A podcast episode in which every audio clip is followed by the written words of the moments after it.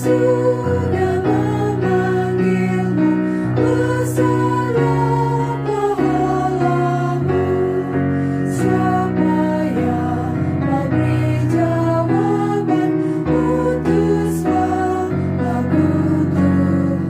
bersama Radio Advent Suara Pengharapan mengikuti pelajaran Alkitab melalui audio Sekolah Sabat. Selanjutnya kita masuk untuk pelajaran hari Jumat tanggal 6 Oktober. Ini merupakan bagian pendalaman. Mari kita mulai dengan doa singkat yang didasarkan pada 2 Petrus 1 ayat 10.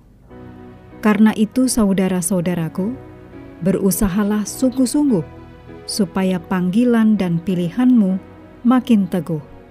Amin.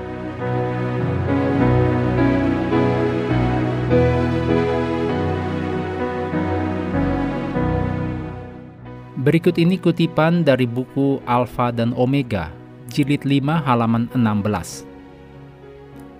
Rencana penebusan kita bukanlah suatu buah pikiran yang lahir belakangan, yaitu suatu rencana yang dirumuskan sesudah Adam berdosa. Rencana tersebut adalah wahyu yang sesuai dengan pernyataan rahasia yang didiamkan berabad-abad lamanya. Ditulis dalam Roma 16 ayat 25. Itu adalah uraian azas-azas yang telah menjadi fondasi dari pemerintahan Allah sejak zaman kekekalan. Sejak mula pertama, Allah dan Kristus sudah mengetahui kemurtatan setan dan kejatuhan manusia karena kuasa tipu daya pendurhaka itu.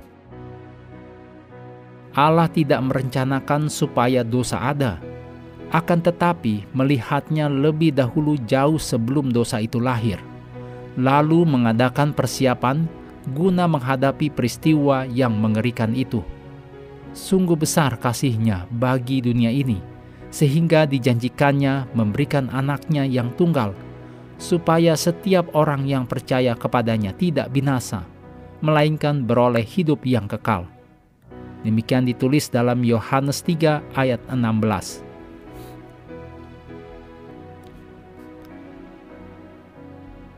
Berikut ini kutipan dari Alfa dan Omega jilid 7 halaman 25. Kristus tidak mengatakan kepada murid-muridnya bahwa pekerjaan mereka tidak sulit, tetapi mereka tidak akan dibiarkan untuk berperang sendirian.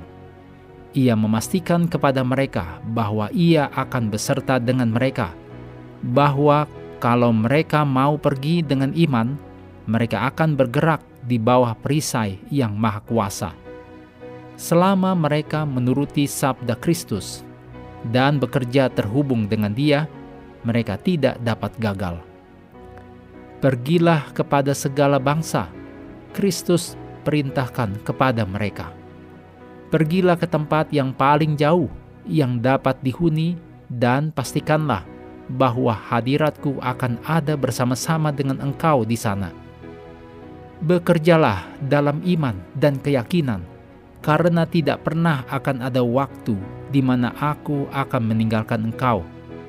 Aku akan bersama dengan engkau selamanya, menolong engkau untuk melakukan pekerjaanmu, memimpin, menghiburkan, memuaskan, menolong engkau, memberikan kepadamu kemajuan dalam mengucapkan perkataan yang akan menarik perhatian orang-orang lain ke surga.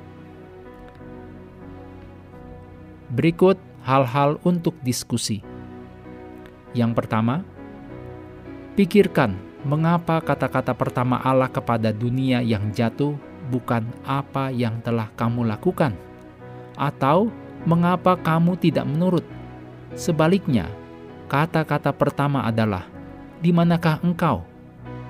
Diskusikan bahwa kebenaran ini memberikan penghiburan kepada kita sehubungan dengan tujuan Allah bagi kita dan bagi orang-orang yang kita kasihi. Yang kedua, pikirkan apakah artinya bahwa Allah sendiri dalam pribadi Yesus datang ke dunia ini untuk menyelamatkan kita. Kristus disalib adalah pernyataan Allah yang utama sebagai Allah dari misi. Diskusikan apa yang disampaikan hal ini kepada kita sehubungan dengan karakter Allah. Yang ketiga, misi ini adalah milik Allah. Untuk itu, Allah akan melengkapi dan memampukan orang-orang untuk tugas ini. Berdasarkan fakta ini, ketika Anda melihat tantangan-tantangan dari penginjilan sedunia, diskusikan bagaimana Anda bisa menghadapi perasaan dan sikap tidak mampu atau ketakutan.